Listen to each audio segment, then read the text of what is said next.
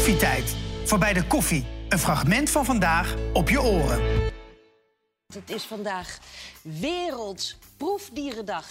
En daar komt nog eens een keertje bij. Dat wil niet zeggen dat dat vandaag is. Maar Stichting Proefdiervrij bestaat 125 jaar. En bij ons aangeschoven directeur Debbie Weijers. Ja, dat is een goed moment. Want Koffietijd bestaat natuurlijk al 13 jaar. En we hebben het eigenlijk, we hebben zoveel onderwerpen... en ook over, over dierenwelzijn en zoveel gehad. Maar we, no- nooit eigenlijk over proefdieren. Dan is Op een vandaag andere manier. Ja. de dag. Ja, dus precies. Het, het, het, het moet er maar eens van komen. Ehm, eh, dat jij hier nu eh, bent, is dat ik eh, onlangs dus ook las in, in jullie blad, Proefdiervrij, dat jullie 125 jaar bestaan. Eh, het was vroeger de Bond tegen Vivisectie, hè? Ja, de Bond tot bestrijding der vivisectie. Zo Dat- is het ooit begonnen. In Dat is 1897. 125 jaar geleden. Ja, Ja, wat is er veranderd in die tijd? heel veel. Gelukkig ook. Ehm, nou ja, in 1897 dus opgericht als de Nederlandse Bond tot bestrijding der vivisectie. Ja, Vivisectie sectie verrichten op levende Ja, wezens. dat het dat toen al zo'n eh, weerstand eh, tegen was. Ja, ja, dat begon dus toen al te komen. Nou ja, we Ja. doen al dierproeven worden en vivisectie wordt dus al gedaan sinds de oudheid. Dus echt, nou ja, Aristoteles is hoogstwaarschijnlijk de eerste Oh ja. die daar al mee begonnen is. Ja. Ik herinner het me nog van school. Een, een vriendje van mij had toen een proefschrift gemaakt over vivisectie. En dan stonden allemaal, dat waren misschien wel de eerste foto's... allemaal hele enge foto's in van aapjes... eh, met ontblote hersentjes eigenlijk. En eh, echt eh, gruwelfoto's, martelpraktijken. Dat is het niet meer, hè? Deels wel. Oh. Ja, ehm, gelukkig is er heel veel. Er, er zijn veel meer wetten bijgekomen die ook de proefdieren beschermen. Die ook zorgen als we ze gebruiken, dat we ze dan, nou ja, zo humaan mogelijk gebruiken. Maar het blijft wel een feit dat we proefdieren opzettelijk ziek maken. Eh, nou ja, hersenonderzoek. Ja, er worden nog steeds elektrodes geplaatst. Ja. Oh, ja, sorry, ja, ik zie ook een paar moeilijke foto's voorbij wat, wat- komen. Dit is een hele nare foto. Terwijl Ja. we, eh, het gros van de mensen is geen fan Maar van is dit- muizen. Maar is het serieus? er gebeurt dit?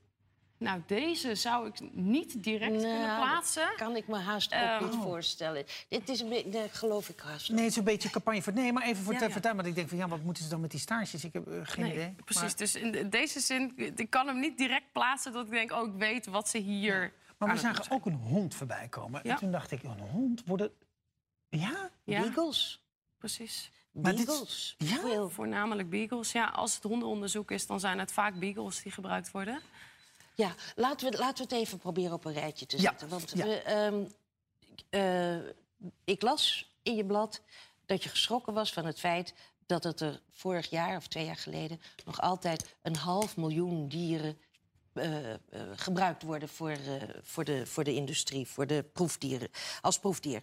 Ehm, dat je daarvan schrok omdat het was toegenomen. Wat, ik, wat, wat is er gebeurd? Ja, het is eigenlijk, we zien, ehm, we zijn sinds 1980 ongeveer, tellen we het aantal proefdieren. Toen waren het er anderhalf miljoen. Nou, we zitten nu al jaren rond de half miljoen. Nee, 400.000, 500.000.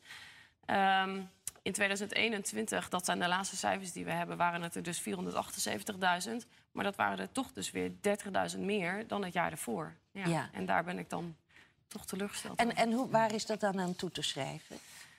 Ja, er zijn meerdere factoren, maar corona speelt daar toch ook een belangrijke rol in. Ehm, en ook als we kijken naar het eh, type dier dat gebruikt is, waar we heel exponentiële groei in zien, ja, is dat wel echt verbonden aan COVID-onderzoek. Ja, type dier. Eh, maar hoeveel dieren, wat voor soort dieren? Want we hebben het al even nou over honden, apen. Ja. Nog steeds, hè? Wel. Ja, mensapen mogen niet meer gebruikt worden, maar bijvoorbeeld rhesusapen, java-apen, klauwapen, die mogen wel gebruikt worden. En die worden dus ook echt nog gebruikt. en, en nog meer muisjes. Muizen, ratten, kippen. eh, dat is zeg maar een beetje de, de top drie. Eh, maar ook ja, paarden, schapen, geiten. En voor wat? Voor nou ja, een hele grote range aan type onderzoek. Ehm, ongeveer de helft van die 478.000 wordt gedaan voor wetenschappelijk onderzoek. Dat kan heel fundamenteel zijn, dus echt nou ja, ehm, leren over ziektes, ehm, hoe, hoe iets in elkaar zit. Dat kan ook meer toegepast zijn, dus al een beetje richting medicijnontwikkeling. Zo gauw het echt medicijnontwikkeling wordt, dan kom je in het stukje nou ja, onder het kopje wettelijk verplicht. Het zijn uiteindelijk de richtlijnen eronder waardoor het dan verplicht wordt om een dier te gebruiken... om bijvoorbeeld veiligheid van medicijnen aan te tonen. Ja, Dus dat is- zijn de drie belangrijkste groepen. Het is heel onzichtbaar, hè? Proefdieren. Ja. Eh, jaren geleden herinner ik me nog jullie campagne. Eh, toen die kwam binnen. Zullen we even kijken naar een reclamefilmpje van alweer misschien wel weer tien jaar geleden. Maar dat kwam wel binnen. Mevrouw, mag ik u een korte vraag stellen? Mag ik u een hele korte vraag Nou, stellen? vertel, wat wil je van me Dit weten? is uw hondje? Eh, dit is mijn hond, ja. En hij heet, of zij heet? Joost. Joost. Zou je wat eh pentahexol in het neusje willen spuiten? Van, eh, Nee, dat wil ik niet. we willen alleen kijken of het brandt. Nee, Het enige wat we moeten proberen. nee dat, eh, dat doe ik niet. En als ik het voor u doe? Ook niet? Nee, ik doe het maar dan echt houdt, niet. dan houdt u hem vast. En Ja, dan- nee, ik, doe, ik spuit die rotzooi niet in zijn neus, man. Echt niet. Echt niet. Ja. Ehm, nou, mevrouw is heel stellig. En intussen gebeurt het natuurlijk toch op, eh, op, op, op grote schaal. Het wordt minder. Ehm, vertel nog eens even iets. Lijden de dieren? Je zegt ze, het gebeurt zo humaan mogelijk. Maar het gebeurt voor alles. Hè? Ook, het, ook, ook het water wat wij drinken wordt op de dieren getest. eh. Ja, eigenlijk als we de koelkast opentrekken... zijn bijna alle producten zijn op dieren getest. Of de inkt op het eh, pak appelsap... of de pesticiden op de appel. Ehm, alles wordt op dieren getest. ja. Ehm, nou ja, en dat eh, gelukkig, ja, de, de regelgeving wordt dus wel steeds aangescherpt. Ja. Ehm, en ook nou ja, in dit, deze eh, reclamespot van ons van jaren geleden, nou ja, dat heeft heel veel stof doen opwaaien. Uiteindelijk ging het wat ons betreft een beetje voorbij aan de boodschap. Ehm, omdat we, nou ja, we, we kregen een beetje de wetenschap tegen ons. Die hadden wel zoiets, ja, maar zo gaat dit niet. We gebruiken geen, geen dieren van de straat. Weet je. Die worden echt speciaal gefokt om te worden gebruikt in een dierproef. Ehm, dus wat dat betreft, nou ja, had de, de uitwerking van de reclamespot eh, was niet wat we eigenlijk hadden gehoopt. Ja, ja, ja. Maar feit was wel dat er wel weer aandacht was. ja, het was wel zichtbaar dat, het, dat, dat, dat het er is. Ja. Dus de regelgeving verandert, maar de wetgeving echt in Amerika is onlangs ook echt aangepast hè, om die, die dierproeven eh, eigenlijk te ontmoedigen. Gaat dat, zou dat hier in Nederland ook werken? Ja, ik denk, ja, het zou zeker werken. Wat eigenlijk het bijzondere is, dat we in Europa hebben we al een wet die het mogelijk maakt dat proefdiervrije onderzoeksmethoden gebruikt worden, mogen worden om veiligheid aan te tonen. Dus Ja. wat Amerika nu doet en waar het heel groot nieuws is, is eigenlijk in Europa is het al jaren zo. Ja. Ja, want Nederland die heeft eigenlijk ook aangegeven om in 2025 echt een voorloper te willen zijn in die dierproefvrije innovatie. Maar ja, dan denk ik 2025, nu nog 500.000, om even zo te zeggen, eh, proefdieren. Ja. Is dat haalbaar? Ja, ik denk, er zijn, het zijn eigenlijk twee lijnen. Dus het is de voorloper eh, zijn in de transitie naar proefdiervrije innovatie.